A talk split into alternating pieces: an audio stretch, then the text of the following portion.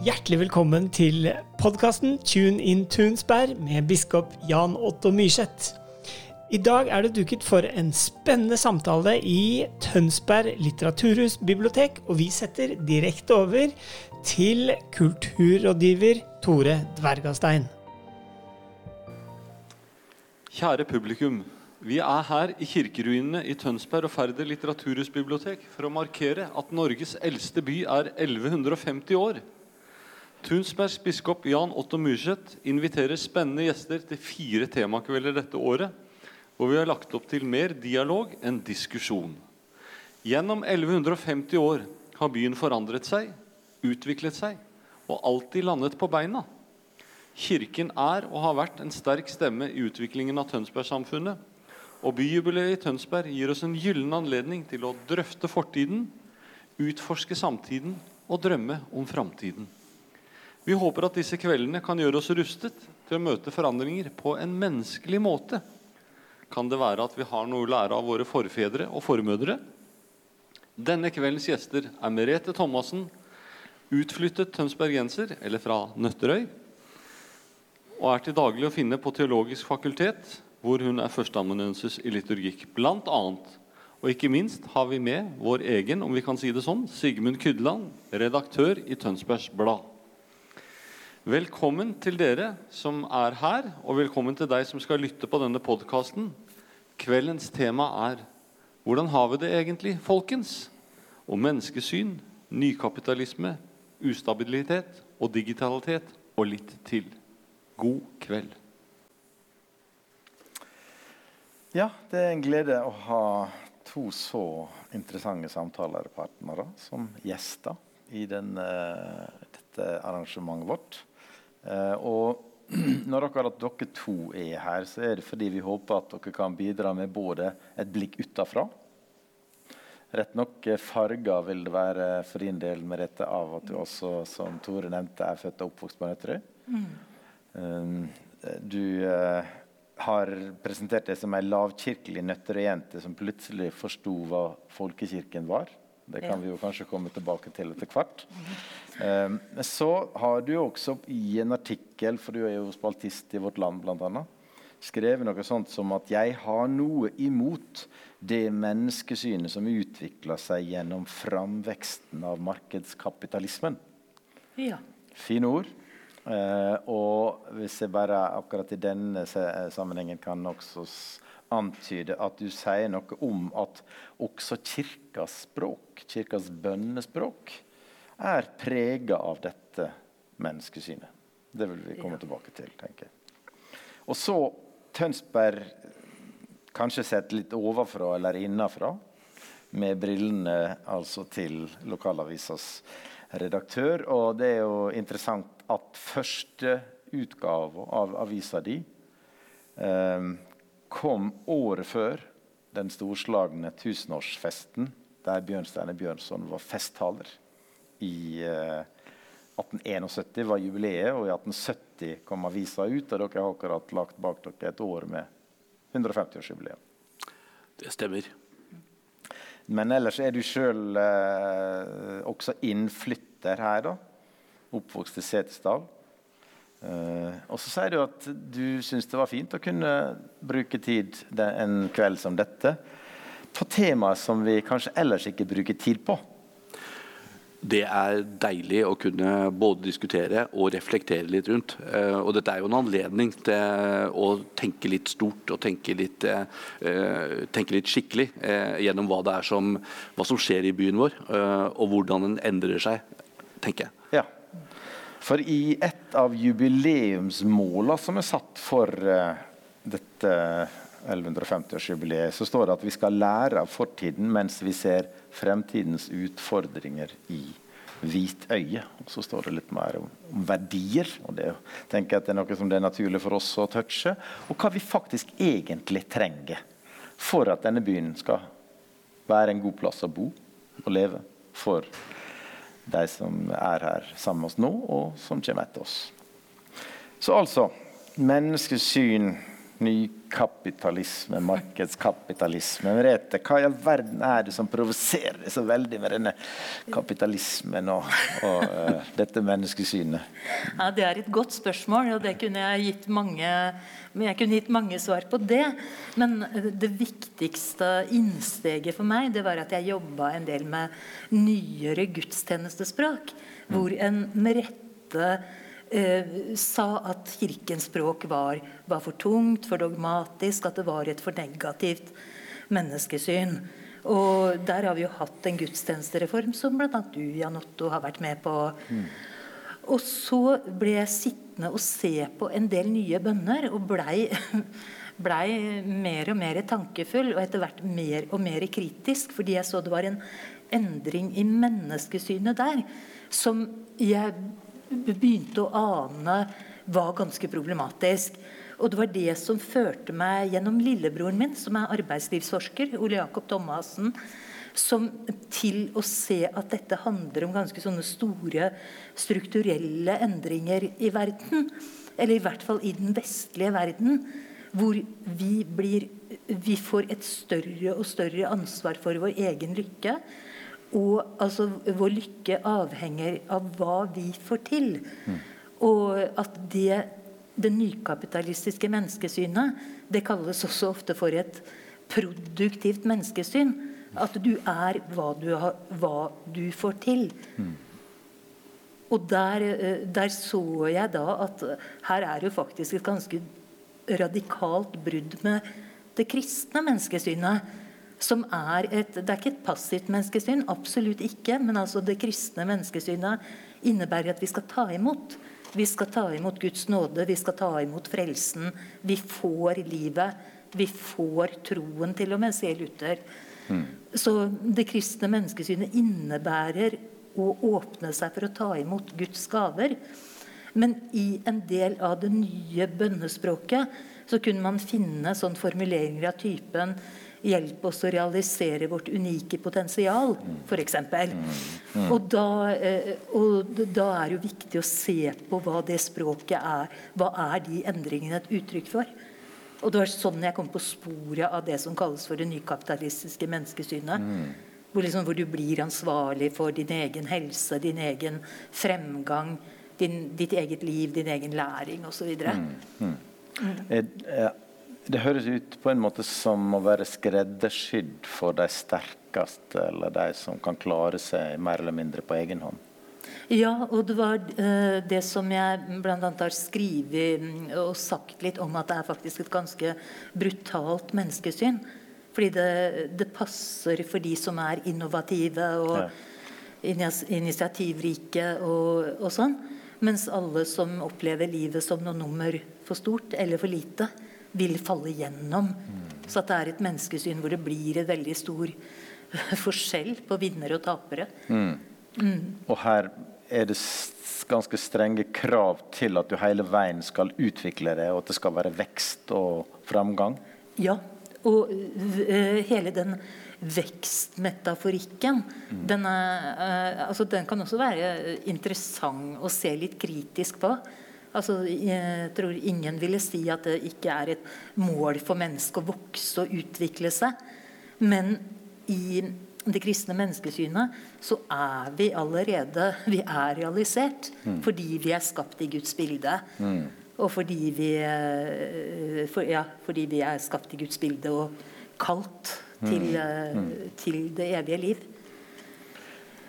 For eh, altså, Nå sier du noe om altså, en, et type tankegods, en ideologi, som altså da har eh, smitta også det religiøse språket og kulturen. Men ellers så kjenner vi jo kapitalismebegrepet mer fra det området som du Sigmund, representerer. i og for seg. Og nå befinner vi oss altså i en by med en, en, rik kapitalistisk arv, må en vel kunne si. Det er helt riktig. og jeg tenker Når jeg hører din beskrivelsen din, eh, Merete, eh, så tenker jeg jo at ja, men dette er faktisk en ganske treffende karakteristikk av kanskje av Vestfold og ikke minst av, av Tønsberg. Eh, og det er, eh, det, her er det, det er snakk om å være sin egen lykkes med. Eh, det er snakk om at man har ja, noen, noen, har bygd opp ting over generasjoner, for all del. Eh, men det er ikke så veldig mange. Og det er ikke så veldig mange generasjoner siden. og, og det, er, det er på en måte beviset på at du har lykkes, som, som teller. og jeg syns det høres ut som en beskrivelse av hva som er lykken i Tønsberg. Det er, det er interessant. Ja. Og så er kanskje Så kan det vel som ganger gjemme seg litt mer bak de eh, velholdte stakittgjerdene og fine fasadene, også i en by som dette? Ja, ikke minst i en by som dette. Eh, og jeg tror det er nok noe av det som er, eh, som er det, det, tøffeste eh, med å bo i, bo i, i, Tønsberg. Det er akkurat du møter, du møter krav, og du, vil, du, vil, du, må vise at du lever opp til de kravene. Og det er, det er, en by som du, du, har ikke lyst til, du har ikke lyst til å havne utenfor. Eh, og da, må, da skal stakittgjerdet være hvitt og nymalt. Mens bak der kan, eh, kan mye annet eh, skje. Hvem er det som detter utafor, da? Og det, er, det tror jeg er flere enn vi, enn vi tror. Det er, jeg tror det er Men den, den, den, store, den store massen, de tror jeg er jeg tror at det er en, eh, en middelklasse eh, som klarer seg fint i Tønsberg, men jeg tror det er, voksne, eh, det er et voksende antall mennesker som strever med å komme opp til den standarden. Eh, og de, det, de, får det tøffere og tøffere. Og Det ser vi, det ser vi i det vi hører fra skolen, fra barnehager, eh, i forhold til hvordan de merker kravene. Mm. Og Der er nok Tønsberg en mer nådeløs by enn mange andre å vokse opp i. Mm. Men Merete, fra du som jo Du møter jo da i din jobb eh, ungdom eh, på vei til å, å, etablere seg eller skaffe seg utdanning osv. Eh, ser Ser du symptom eller signal på at dette kan være en tung bør å bære for unge i dag? Ja, altså jeg nå er nok de som velger altså Jeg er så heldig at jeg får utdanne prester. Mm. Og de som kommer til oss, de er nok veldig opptatt av at Kirken skal være en motkultur til dette. og Sånn, men det som slår meg, er at de, de er veldig ordentlige. Altså, mm. De som er studenter i dag, de er mye ordentligere enn vi var som mm. studenter. Mm. Altså, Vi surra i vei og, eh, og røyka og drakk og, og liksom var, var, mye mer sånn uh, Ja, altså nøyt nok den friheten ved å være student i Oslo for første gang og sånn. Mens jeg syns jeg ser en veldig ansvarlig generasjon så, men nå skal jeg ikke trekke alle slutninger av å utdanne teologistudenter. Mm. For de er ikke nødvendigvis de mest representative for liksom, de store ungdomskulla. Men sånn ansvarligheten og ordentligheten tror jeg er noe av et uttrykk for noe av det samme. Ja. Ja. For det vi har lært gjennom disse ungdataundersøkelsene de senere åra, er jo at det er ei, voksende gruppe eh, av for så vidt flinke ungdommer. Men en del av dem tipper faktisk over til å bli sjukt flinke. Også at det uh, ikke er så veldig mye helse på en måte igjen. Og, og det, forundrer, det er jo et paradoks at vi i vår tid kanskje da har det objektivt sett bedre enn noen gang. Mm. Og samtidig så ser det ut til å være stadig flere som føler seg subjektivt dårligere. Ja, det er et paradoks. og og det er jo veldig alvorlig at det oppleves sånn. Altså Ole Jakob Madsen, psykolog eh, og filosof som har blitt eh, ganske kjent etter hvert, han, han har utgitt en bok om dette som han kaller for generasjonprestasjon. Mm. Og nå har vel det i og for seg vært et tema i årtier.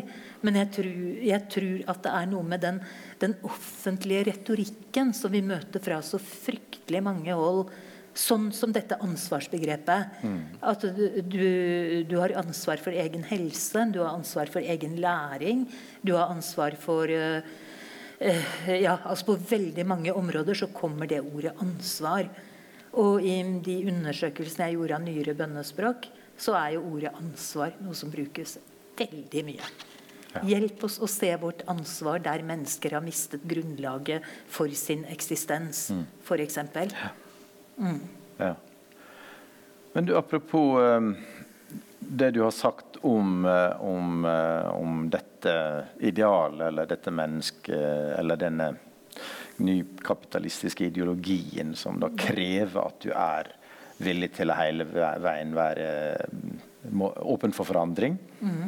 Uh, kan du si litt mer om det? Altså, hva slags belastninger ligger det for mennesket å skulle være Det er vel en annen filosof som har snakka om det, det døgnåpne mennesket. Som også er påkobla 24 timer uh, og sju dager i vika.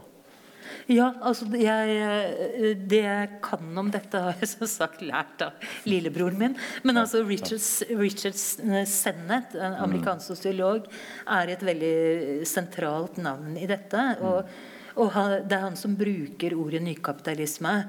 Og altså, Problemet med nykapitalisme det er at det, det finnes ikke noe parti for eksempel, som sier at vi er, ny, vi er det nykapitalistiske partiet. Mm. Og mm.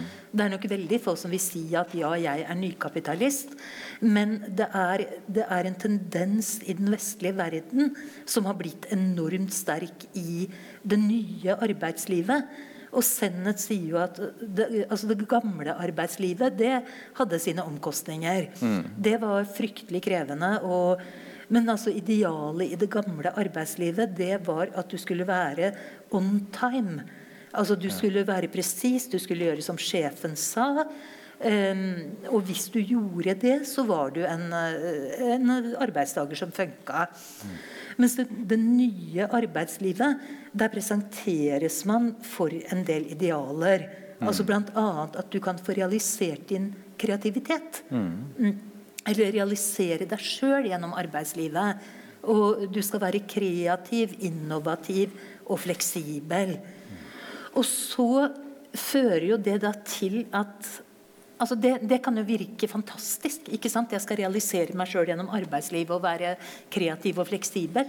Men så sier jo Sennet da at det fører til en altså det Idealet for det nye arbeidslivet det er ikke at du skal være on time, men du skal være online. Mm. Altså Du forespeiler stor frihet, mm. men prisen for det er bl.a. at du må være tilgjengelig døgnet rundt. Gjennom det digitale mm. annet. Og e-poster og telefoner og, og sånt. Og det sier jo Sennett fører til en sånn uthuling eller erosion og, Nei, corrosion. Forvitring av karakteren. Mm. Fordi man blir så tom. Mm. Altså, Hvor skal du rette aggresjonen din? Sjefen din er ikke autoritær. Sjefen spør hva, uh, på medarbeidersamtalen hvordan kan du realisere deg sjøl og nå dine mål. Og så, eh, så, er det ikke noen å rette aggresjonen mot. Eller mm, mm, liksom alt, mm. alt, er veldig, veldig flytende. Mm. Og det, mm. det, er ikke nødvendigvis den enkelte arbeidsgiver som sitter på sitt uh, direktørkontor og bestemmer at det skal være slik, men det er på en måte en samfunnsutvikling som tvinger oss inn i en vond spiral, kanskje. Og det, det merkes vel kanskje i, i uh, næringslivet i denne byen her også? Ja, og så får jeg lyst, Samtidig så får jeg lyst til å si at eh, jo, denne medaljen har også en forside. Ja. Eh, det, det, det syns jeg, det, det synes jeg er spennende å tenke på. Da. Eh, fordi, og jeg tror at uh, akkurat der vi er nå, så tror jeg at den medaljens forside, det med fleksibilitet og innovasjon og kreativitet, er også en viktig del av denne byen. Som har gjort at, ja, som har skapt velstand, og som har skapt utvikling. Og som gjør at vi bor i en by som er i vekst, og som er attraktiv, og som folk ønsker å flytte til. Og, Og, det, det, er mange, sånn, det er mange positive sider steder også. Eh, ved, ved, det, er en, det, er en, det, er en, flott forside på den medaljen, i tillegg til alle ulempene som vi er innom. Mm. Ja, og Det er veldig viktig og bra at du presiserer. fordi Jeg, altså, jeg ønsker ikke å være sånn forfallsretoriker om at alt var bedre før, og alt mm. blir bare verre og verre nå. For det, det, det vet vi jo at det ikke er sånn. Altså, det er jo, Fattigdommen har avtatt, og, og veldig mye er opp oppnådd gjennom det. Men jeg tror liksom hele tida vi trenger oss uh, å leite etter hva er det som skaper den der litt sånn avmaktsfølelsen. da. Mm. Og jeg tror ikke at mm, mm, husmenn hadde mindre avmaktsfølelse enn en dagens arbeidstakere. Jeg tror en husmann hadde veldig mye større avmaktsfølelse enn dagens arbeidstakere. Men det gir seg en litt sånn andre utslag. Ja. Men hvis, altså Sigmund, så hvis du skulle uh, i løpet av ei ukes tid ha to forsider som, som karakteriserte eh, arbeidslivet og miljøet på en måte som da Tønsberg er prega av, så vil den ene handle om denne forsida det ville den. Det ville vært eh, Og vi, vi jeg kan si at eh, altså vi Tønsberg Blad bruker ganske mye plass på å skrive om eh, arbeidsliv og næringsliv. Og, og det er en veldig takknemlig oppgave her.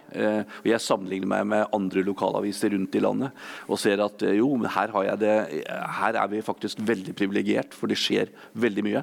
Det er oppstart av masse selskaper, det er mange som prøver seg. Mm. Det er, det, det er mye nytt som skapes. da, og Det er jo det er absolutt en viktig del av Tønsberg. Men så har du da den andre forsiden ville nok handlet om at uh, oi, dette er et, uh, et samfunn som er uh, ganske statisk, som sitter ganske fast og er ganske tradisjonsbundet på mange områder. Ja, ja. Apropos det, eh, hvis vi skulle tenke litt sånn kjønnsperspektiv jeg vet at du, Merete, du skal få slippe til etter hvert på det, for jeg vet at du har meninger rundt, eh, rundt det. Men Sigmund, hva, uh, hvem er vinnerne og hvem er taperne, hvis det går an å, å lage en sjablong på det? hvem som er vinnerne og hvem som er taperne i utviklingen i Tønsberg. Mm. Det er nok Dessverre så må jeg si at nykapitalismen begynte nok veldig tidlig her. For jeg tror vinnerne det er, noe, det er de som klarer, å, som klarer nettopp å være fleksible og innovative. Og som ikke setter så store ikke setter grenser for døgnet, men som, og som er villige til å by på seg selv og er kreative. Og Det er klart det er veldig krevende for de som ikke har, det, ikke har den interessen, ikke har det behovet. Eh, ikke, rett og slett kanskje ikke passer til det. Eh, det, vil, det vil fort være taperne. Eller har kolliderende oppgaver og ansvar. Absolutt. Jeg tenker på f.eks. kvinner i en omsorgsfase eller med, med, med oppgaver på hjemmebane. Og der er jo paradokset at det er de vi trenger aller mest. Ja. Uh, og det er, det er jo, en, det er jo en, en, en utfordring i hele, i hele, samfunnet. Ja, absolutt. Å tilrettelegge for både livsfaser og ulike utfordringer ja. mellom kjønna, kanskje. Ja. Eh, men Merete, det er jo på, på et vis så er kanskje unge menn vinnerne i et sånt uh, nykapitalistisk uh, prega system. Og på den andre sida så viser statistikkene at det er de unge menn som tar livet sitt. Ja. F.eks. De er overrepresentert på selvmordsstatistikkene. Eh, og så har du mange single kvinnelige akademikere. Mm. Mm. Og så har du kanskje en del eh, single mannlige navere. Ja. Og jeg, det, altså det, er noen få unge menn som er vinner i dette. Mm. Altså de som kaster seg inn i det. Og så er det ganske mange unge menn som ikke får det til. Og det har jo oppstått enormt mye aggresjon blant yngre menn som ikke får det til. Altså denne incel-bevegelsen, mm. altså uh, ufrivillig sølibat, er jo etter hvert en ganske sånn mektig voksende bevegelse i verden.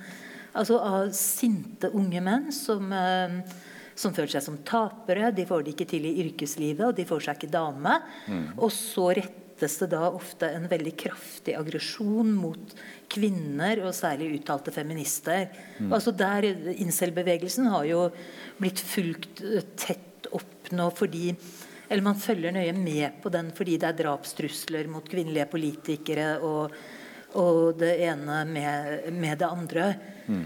Så det, det, er ikke noe spøk, det mm. at det er så mange uh, sinte unge menn der ute. Mm. Det fins mange sinte unge menn. Og altså, avmaktsfølelsen er en veldig farlig følelse når den kobles med aggresjon. Mm. Og der er jo egentlig Tragisk nok da, så tror jeg nok at kvinner er mer vant til å føle avmakt. Kvinner, øh, kvinner blir ikke nødvendigvis så aggressive av det, men blir mer syke. Altså fysisk og psykisk syke. og og, og reagerer ikke på det på samme måte. Mm. Men begge deler er jo, vitner jo om at det er et arbeidsliv som, som kun er for de mest innovative. Mm. Mm. mm. Du pleier å omtale det, gjør du ikke det av og til, som feminist? Jeg har en doktorgrad i feministteologi, ja. Ja. Så, det kan, så, det kan, jeg ikke komme utenom. er du, er du en, en, en sint uh, rød strømpe? En sint kvinne? Ja, det er vel en sjablong. Altså Det min doktoravhandling handla om, det var å se hva skjer når vi prøver å synliggjøre kvinner i liturgien ja. eller i gudstjenesten. Og det, Jeg var jo veldig kritisk mot det. Ikke fordi jeg ikke mener at kvinner skal synliggjøres i liturgien, for det mener jeg virkelig, men mm. det at når kvinner ble synliggjort, så ble de synliggjort som mødre og omsorgspersoner. Mm. Så at, uh, det jeg var kritisk til der, det var at jeg mente at det var altfor stereotypt. Altså at kvinner er mer enn omsorgspersoner. Mm. Kvinner er statsminister og mm. ledere av Folkehelseinstituttet og, og uh, tyske mm. rikskanslere og sånn. Så, det, uh, så det, var, det, var, det som var tematikken der. Så altså, jeg er nok mer opptatt av å analysere kjønn. Mm. Altså se se hvordan, eh, hvordan, vi agerer ut fra forventninger og sånn. Mm. Mm. Tenker du at kvinnekampen i kirka er uh, eh, avslutta? Og på ingen måte. Eh, det som veldig fort skjer Nå har vi jo eh, altså, Tallet på kvinnelige prester går stadig opp. Nå er de på rundt 35, tror jeg. Mm. Ja. Prosent. Ja, mm. og av biskopene nå så er jo halvparten ja. er kvinner. Mm. Og en kort periode så var det jo faktisk Flertall. syv ja. kvinnebiskoper og fem menn. Ja. Så det har jo skjedd veldig, veldig fort. Mm. Men altså hva eh, eh, Det som skjer parallelt, det er jo at Kirken mister status. Mm. Ja. Så der eh, Anne Louise Eriksson, som er en svensk teolog, sier at det er der kvinne, kvinnorna drar inn, drar makten ut, sier hun.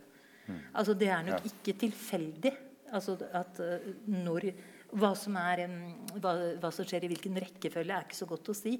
Men altså, det er ikke, det er ikke kontroversielt med en kvinnelig biskop mer. Mm. Men det har heller ikke samme status. Mm, mm. Ja. Mm. Hva med kvinnekampen i samfunnet, da, Sigmund? Eh, jeg sitter og tenker på det når jeg hører på deg, Merete. for jeg tenker at her, vi, vi, sitter i en by som er eh, god og borgerlig. Eh, og en borgerlig kvinnekamp, eh, en borgerlig eh, feministisk kamp, den, eh, den, den, den, har utspilt seg, og den utspiller seg i den byen bl.a. På, på den arenaen som passer i Tønsberg. Mm. og Det betyr næringslivet, f.eks. Mm. Eh, og det betyr at de siste tre-fire årene er det antall kvinnelige gründere, f.eks mangedoblet. Vi sitter, nå sitter vi i Kulturhusbiblioteket. der eh, Kafeen rett her oppe er drevet av en kjempeflink gründer her i byen, Kjersti Hvitt, som har startet filialer over hele byen og fått til veldig mye. Mm. Og en typisk sånn eksponent for uh, at det er, blitt, det, er blitt, det er blitt, lov å være kvinne og bli næringslivsleder. Mm. Og det er blitt mange flere av dem. Uh, som er et veldig veldig flott resultat da, av, en, sånn, av en, kanskje en borgerlig og næringslivsvennlig kvinnekamp. Mm. Som er, jeg tror jeg da er typisk, eh, typisk for denne byen. Ja, og det tror jeg, tror jeg også. Og det, eh, den første altså Norsk kvinnesaksforening, det var jo middelklassekvinner eller borgerskapets kvinner som ville ha rett til utdanning og yrkesliv. Mm. Og det, men altså, feminisme og kjønn er jo også så mange ting. og altså, Hvis vi liksom skal ta, ta det helt ned til hvor vi står nå, f.eks. under pandemien. Mm. Så eh, altså, I Latin-Amerika så har jo det tallet på det som kalles for femicides, altså drap på kvinner fordi de er kvinner, det har mm. eksplodert. Det er altså så mye vold og mishandling og drap på kvinner. Og, altså, så at det, feminisme er jo eh, Jeg vet ikke om jeg skal si at det er også det, for jeg vil kanskje si at det er først og fremst det. Mm. At hvis, hvis kroppen eh, utsettes for vold og, fordi man er kvinne, så, er det, så, er det, et sånt nullpunkt nullpunkt i, eh, i feminismen. Og så har du liksom alle grader uh, oppover til det å bli en uh, kvinnelig gründer. Mm. Så det er så fryktelig mange perspektiver på det. Men det som er helt klart, det er at pandemien har vært et veldig sånn stort tilbakeslag for likestilling. Mange mm. saker har blitt lagt på vent. og mye sånn uh, vold i nære relasjoner har økt. Og, mm. og, og at uh, kvinner i verden, det er flest kvinner i verden som har deltidsstillinger og har jobber uten kontrakter, f.eks. Mm. Og som er de første som ryker ut av arbeidslivet. Ja. Det var jo ganske epokegjørende, har jeg inntrykk av, her i byen, når en fikk sin første kvinnelige ordfører for en par år siden. Hun skal vi for øvrig ha som gjest i en, senere, en senere kveld i denne serien her. Så da skal vi snakke litt mer om det med kvinner og kvinners plass i samfunnet her. Sånn. Men jeg hadde lyst tilbake litt til dette med det nykapitalistiske og kanskje et utslag av det. Eh, jeg vet at du, eh, Merete, har meninger rundt hvor tidlig vi legger ansvaret for egen utvikling eh, og kunnskapsmål og ferdighetsmål på våre små, unge, lovende poder.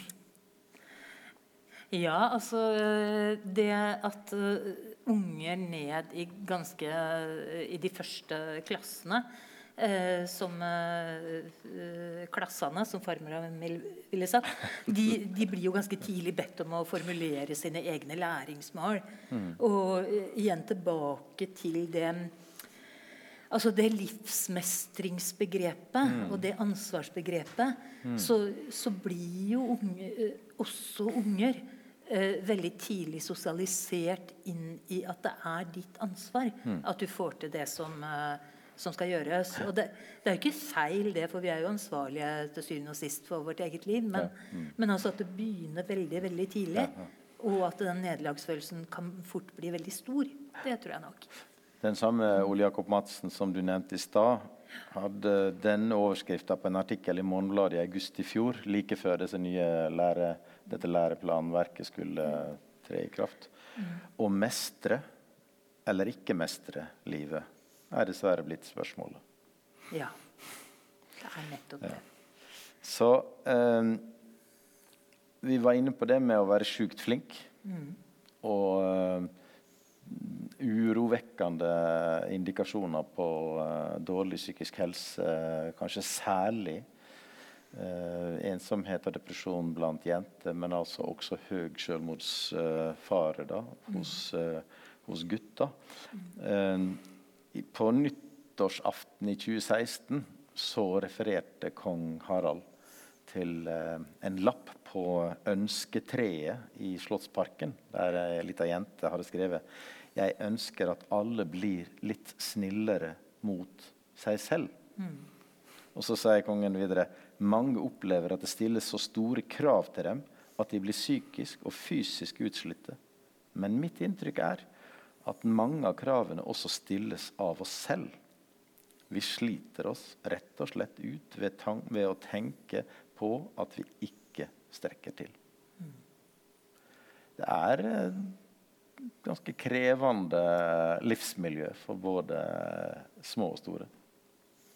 Det er det. Klok konge. Ja. ja. Marta Norheim, som er ansatt i NRK og driver med kulturvel, mm. sier det at når du ikke greier å være lykkelig i verdens lykkeligste land, ja, da er du en taper. Mm. Så apropos dette med de, eh, de, utfordringene som gjelder både samfunnet og kirka, så har jeg lyst til å utfordre oss litt på også hva skal til for Enten vi nå tenker kirka, at ikke det skal være måte klubben for de vellykka. Borgerskapets eller eh, middelklassens liksom, andedam. Og tilsvarende for så vidt i byrommet. Eh, hva skal til for at vi eh, kan skape trygge rom, også for den som kanskje opplever seg å være en taper? Jeg er, eh, jeg er iboende optimist, jeg, da. Eh, på, på veldig mange av livets områder. Selv om det, ting kan se litt svart ut. og vi, Det er ikke så vanskelig å finne problemstillingene. Eh, men, men eh, jeg har på jeg har tro på at det er noe som skjer eh, hos, eh, hos bl.a. hos mange unge.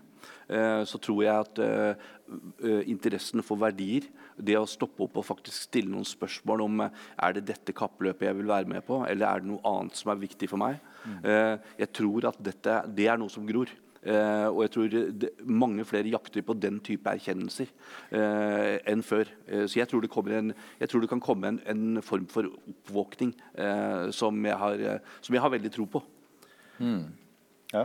Som, tror, som, gjør at det blir, kanskje det blir lettere å, å være Jeg skal ikke si det blir lettere å være lykkelig, men det, at, det blir, at det blir eh, lettere å, å, å, sette seg ned og sette pris på andre verdier, f.eks.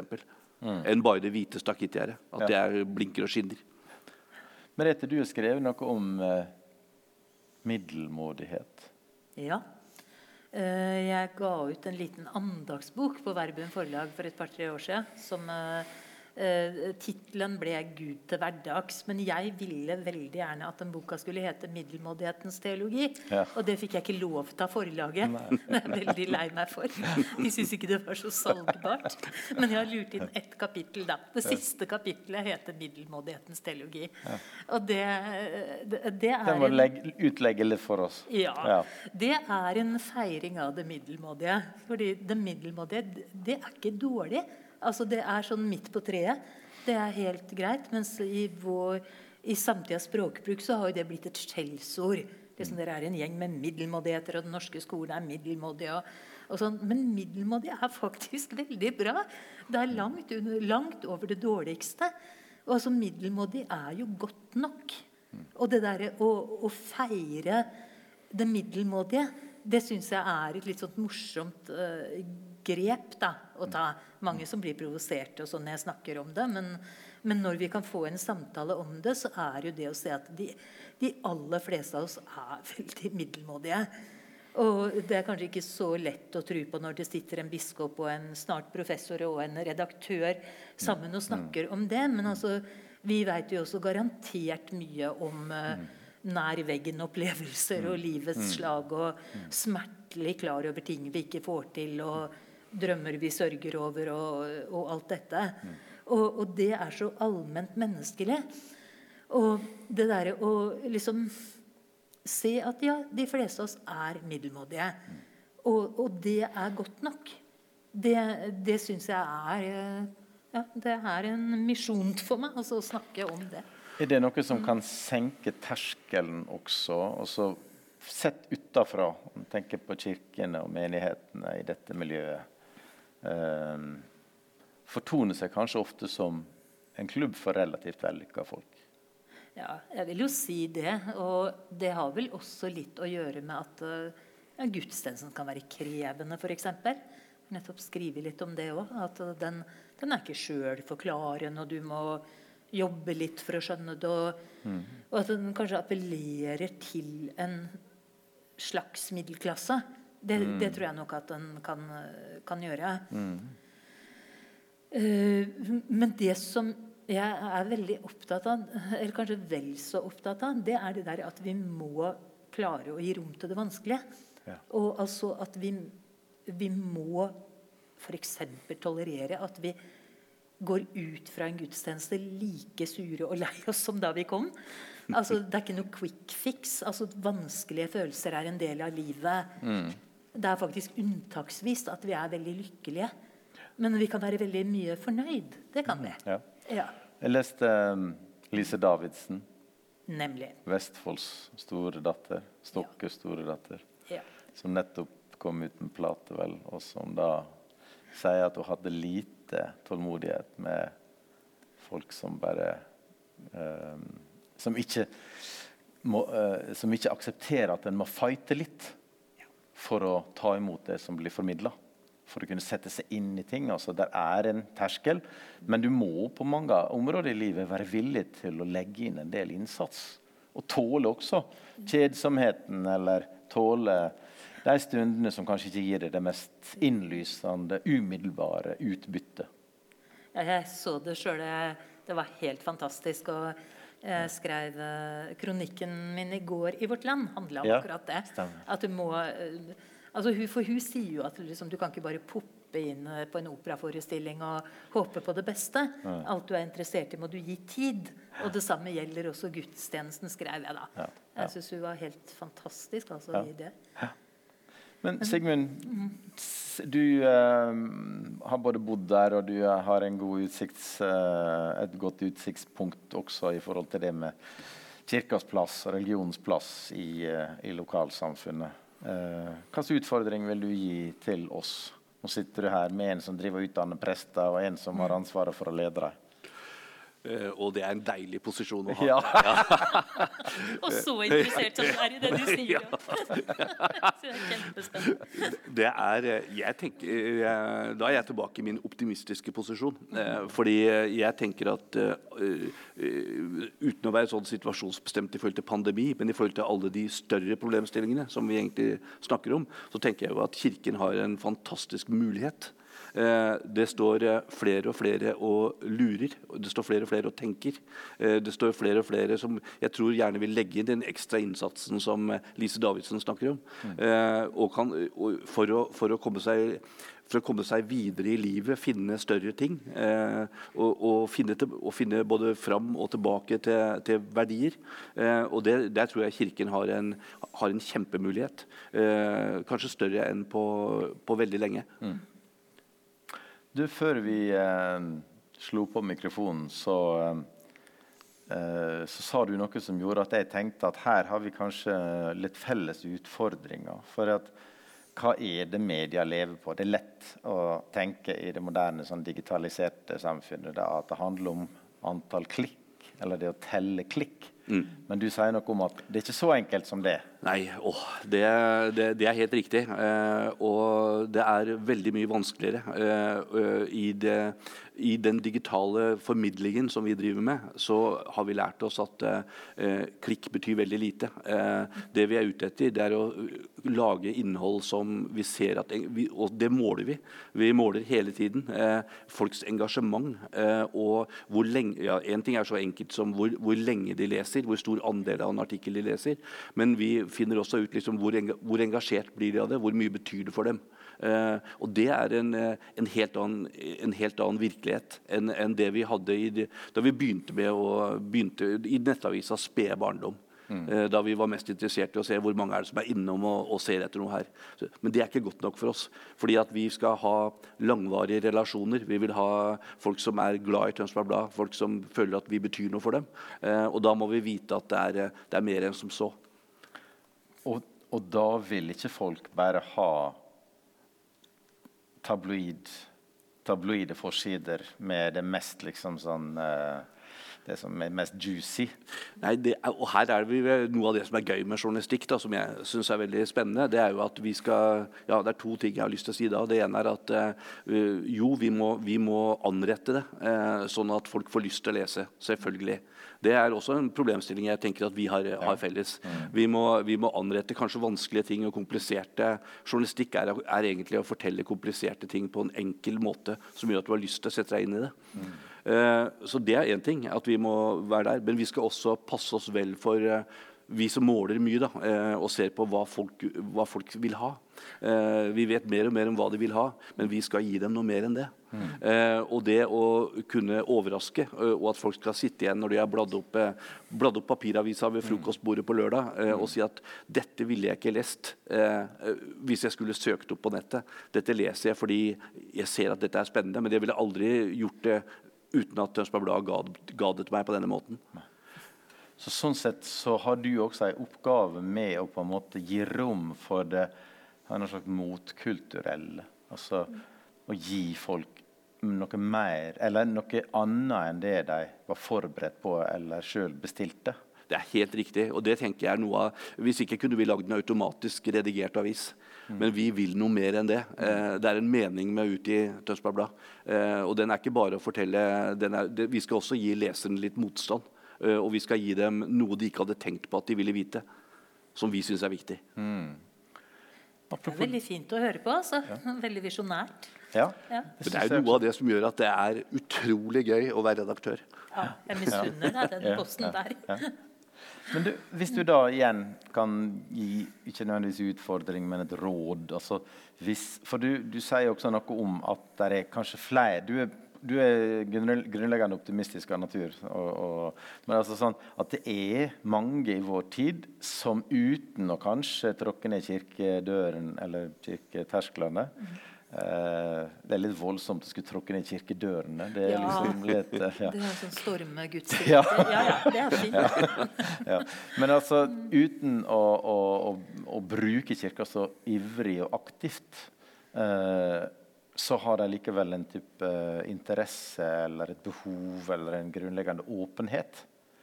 Hva er det hva, du hva, Hvordan bør Kirka innstille og finstille formidlinga si og budskapet sitt? Hva er det vi skal formidle som når fram? Ja, men vi, vi, jeg tenker, vi har vært innom en del, sånn, eh, en del av de problemene som jeg tror folk rundt oss er oppi. Eh, og jeg tror, eh, jeg tror Kirken kan ha eh, om ikke det komplette svar, så iallfall noen veldig gode råd på veien. da. Eh, jeg tror Kirken kan, eh, kan møte mange av, de som, eh, mange av de som strever i en vellykka by. Så tror jeg Kirken kan ha veldig mye å gi dem. Eh, og jeg tenker at det er uh, ja, som sagt, jeg synes det er en, veldig, det er en stor mulighet for Kirken.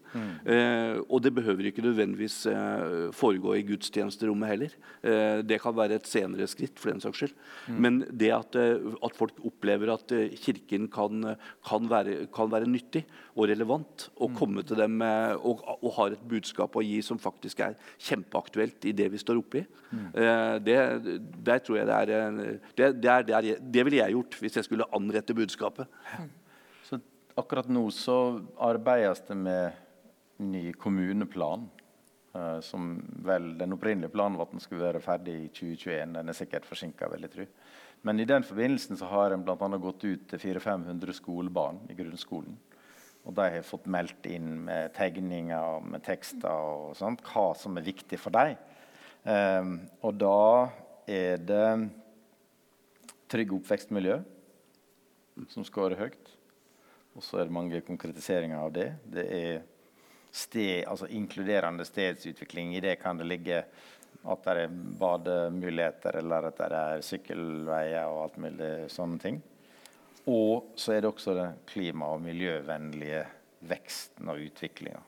For det er jo virkelig min opplevelse at uh, selv om kommuner og regjeringer og offisielle styresmakter gjør mye nå for å ta på alvor de store utfordringene i, som ligger fram for oss knytta til bærekraftig utvikling og til å ta vare på kloden, så er det de barn og unge vi faktisk må sette vår lit til. Og jeg tenker at for Kirka også å være en god aktør, en samskapingspartner i samfunnet, er en del av det å vise at vi er relevante. fordi at budskapet vårt handler ikke bare om et eller annet uh, hinsidig, men det handler om virkelig å virkeliggjøre det gode liv her og nå. Men til deg, Merete. Jeg setter veldig pris på og vil gjerne høre litt mer fra deg på hvordan Kirka kan komme med dette motkulturelle budskapet. altså eh, en, en motgift mot lykketyranniet. på en måte. Ja. Altså, og der, der er, det er jo ikke bare språket, men det er jo også åssen Kirken framstår. Og jeg har jo veldig ofte savna det litt sånn rufsete og, og det som ikke funker, også blant eh, Kirkens egne folk og ansatte.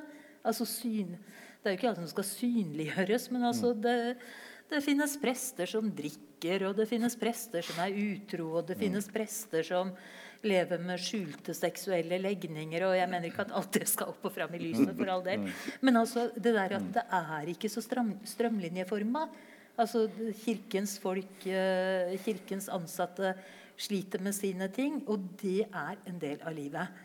Altså at vi går ikke rundt i harmoni og og, og salighet. Men vi, vi, kjemper med å få pengene til å strekke til, og, og spør og tviler på ting. Og spør oss også om meninga med livet og alt dette. Så det er å liksom, gi, gi eh, rom for, for, det vanskelige.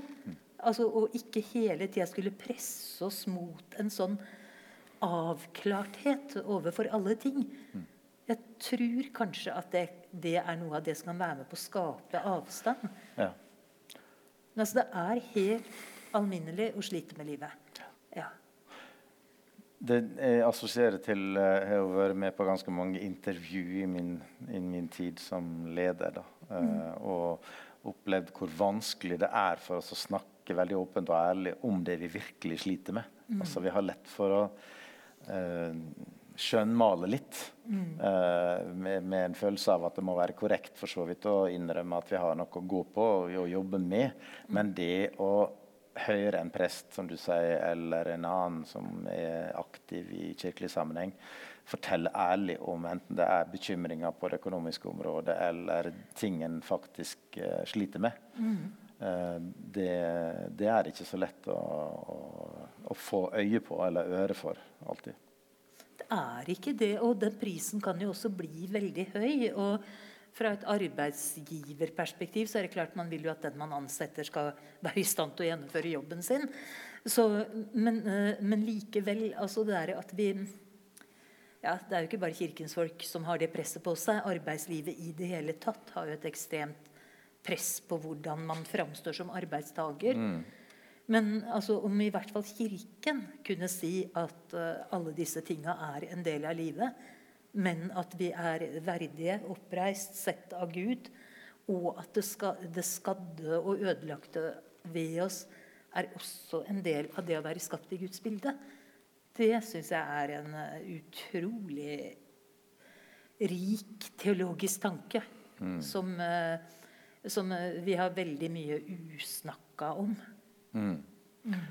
Og hvis vi skal være troverdige på at vi sier at Gud har skapt oss i sitt bilde, ikke som kjedelige kopier av hverandre, men med en fantastisk rikdom av et mangfold, mm. så må vi kanskje våge å vise det fram på en annen måte enn det vi har gjort ja. ofte. Mm. Altså, det tror, tror at det kan gi verdighet til mennesker som strever. Det, det er jeg helt sikker på.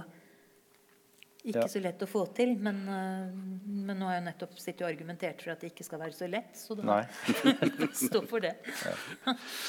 Ja, ja Sigrun? Eh, jeg bare hadde lyst til å hoppe tilbake til de barna du siterte. Ja, eh, fordi at da, enda, da, husker jeg enda bedre hvorfor jeg er optimist. Eh, jeg syns jo det er fantastisk, eh, det de sier, det de ønsker. Eh, det de er opptatt av, og det de vil ha ut av samfunnet.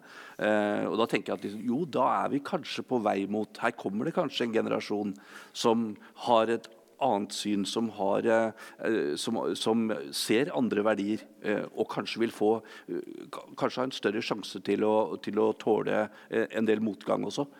Fordi de, de har de, Kanskje har de rett og slett et større, får de et større perspektiv enn en generasjonen før. Mm. Mm. Og jeg lurer på om de er i ferd med å få det. Ja. Altså jeg synes jeg merker den der motkult Altså Greta Thunberg er en eksponent for. Ja. Ja. Den vil ikke mer. Nei. Og det er utro, utrolig spennende, utrolig deilig, og viser også synes jeg da igjen, potensialet og muligheten også for Kirken. Ja. Til å kunne engasjere og være relevant. Mm. Veldig spennende. Um, vi skal gå inn for en avrunding sånn etter hvert, men um, jeg har lyst til å utfordre dere også til uh, ei slags avsluttende hilsing til jubileumsbyen. Uh, det kan være helt i deres egen eh, fasong, for så vidt. da. Men eh, jeg tenker at hvis vi nå tror og håper at denne byen skal forbli en, eh, en god ramme for et godt liv for mennesker i ulike livssituasjoner, hva skal til? Og hvordan skal vi, hvordan skal vi tilrettelegge for den type gode prosesser? Som både inkluderende, kanskje, i, på en bedre måte enn det byen har rykte for, i alle fall uh, delvis. Uh, og uh, en, samtidig en oppmuntring til de positive kreftene som tross alt du for da henviser til, Sigmund. Ja, jeg tenker jo at uh, hvis Tønsberg kan ta vare på de, de beste sidene av byen, så, er, så, klarer man å forene veldig sterke, sterke, krefter. Fordi Hvis man klarer å ta vare på det som eh, vi kan snakke stygt om eh, Jeg gjør iallfall gjerne av og til det. og i forhold til liksom, En kremmerby og litt sånne ting. Men det er også en by som er bygd på nyskapning og innovasjon. Og Det er, det er framtidas Tønsberg, og det må de lykkes med. Men samtidig som de gjør det, så må vi i denne byen klar, bli flinkere til å ta vare på de som ikke kommer til å være de aller raskeste. De som ikke kommer til å bygge sine egne selskaper eh, og sitte på Oslo Børs. Eh, for det kommer til å være mange av de eh, som også skal være med og ha et godt liv i denne byen. Og det krever at vi blir. Vi må, denne byen må bli varmere. Denne byen må bli mer inkluderende. Denne byen må bli mer åpen. Eh, og det må vi klare å få til samtidig som vi driver innovasjon og nyskapning. Mm. Du, apropos åpenhet, vi er kanskje litt seint å bringe det på bane, Merete. Men uh, jeg vet at du uh, tenker at det er et problem med manglende åpenhet i litt ulike uh, deler av Vestfold og Tønsberg-samfunnet, som går på både borgerskap og, og kristelig miljø. Ja, altså jeg har en venninne som har vokst opp på Nøtterøy, og som har en grusom, men dessverre ganske treffende karakteristikk av Tønsberg, Nøtterøy, og sier at det er et sted med borge, borgerlighet uten dannelse og pietisme uten hjertevarme. Og det, det, er som sagt grusomt, og jeg er veldig veldig glad i Tønsberg sjøl. Men jeg, jeg, ser veldig godt hva hun mener. Fordi altså, det, er, det, er, det, er, nok en del nyrike her som har veldig behov for å vise den derre 'penger har vi nok av', penger har jeg nok av, at den sitter ganske løst. Og det er også en ganske streng pietisme. Altså, nå, pietismen er jo langt på vei utdøende sånn i, i Norge. Men likevel så er det også en strenghet i en del av det lavkirkelige som nok også kunne tjent på å, å myk, mykne opp sitt hjerte. Mm. Og det, den, det tror jeg nok er, er noe som en kan være litt sjølransakende på. Men altså, denne byen har jo kvaliteter. Jeg ser ikke bort fra at jeg ender opp her en dag uh, At jeg flytter hjem igjen en gang. Mm. Men det skjer ikke nå. Men det kan skje en gang. Jeg er fryktelig glad i byen og glad i naturen. Og glad i, og kjenner jo at uh, røt, røttene mine er her ja. i mange mange generasjoner bakover. og fall, Jeg faller til ro på en helt spesiell måte når jeg kommer, til, kommer hjem. For, for, dette er hjem. Det er det. Etter 35 år i Oslo. Men den mentaliteten som både Sigmund uh, snakker om, og som uh, min veldig mm, treffsikre venninne snakker om, den, den, gjør at jeg kjenner på en ambivalens. Ja. Så de hilsing til byen er hvis dere tar en dash dannelse og en dash hjertevarme og planter det i tilstrekkelig mange blomsterkasser, ja så er sjansen stor for at Merete kommer flyttende tilbake. Det kan jo oppfattes som en trussel, da. Ja. Tusen takk for en interessant samtale. Eh, takk for at dere ville sette av tid og være med på dette. Og så hilser vi Tønsberg og ønsker fortsatt lykke til med jubileet. Tusen takk. Takk for det.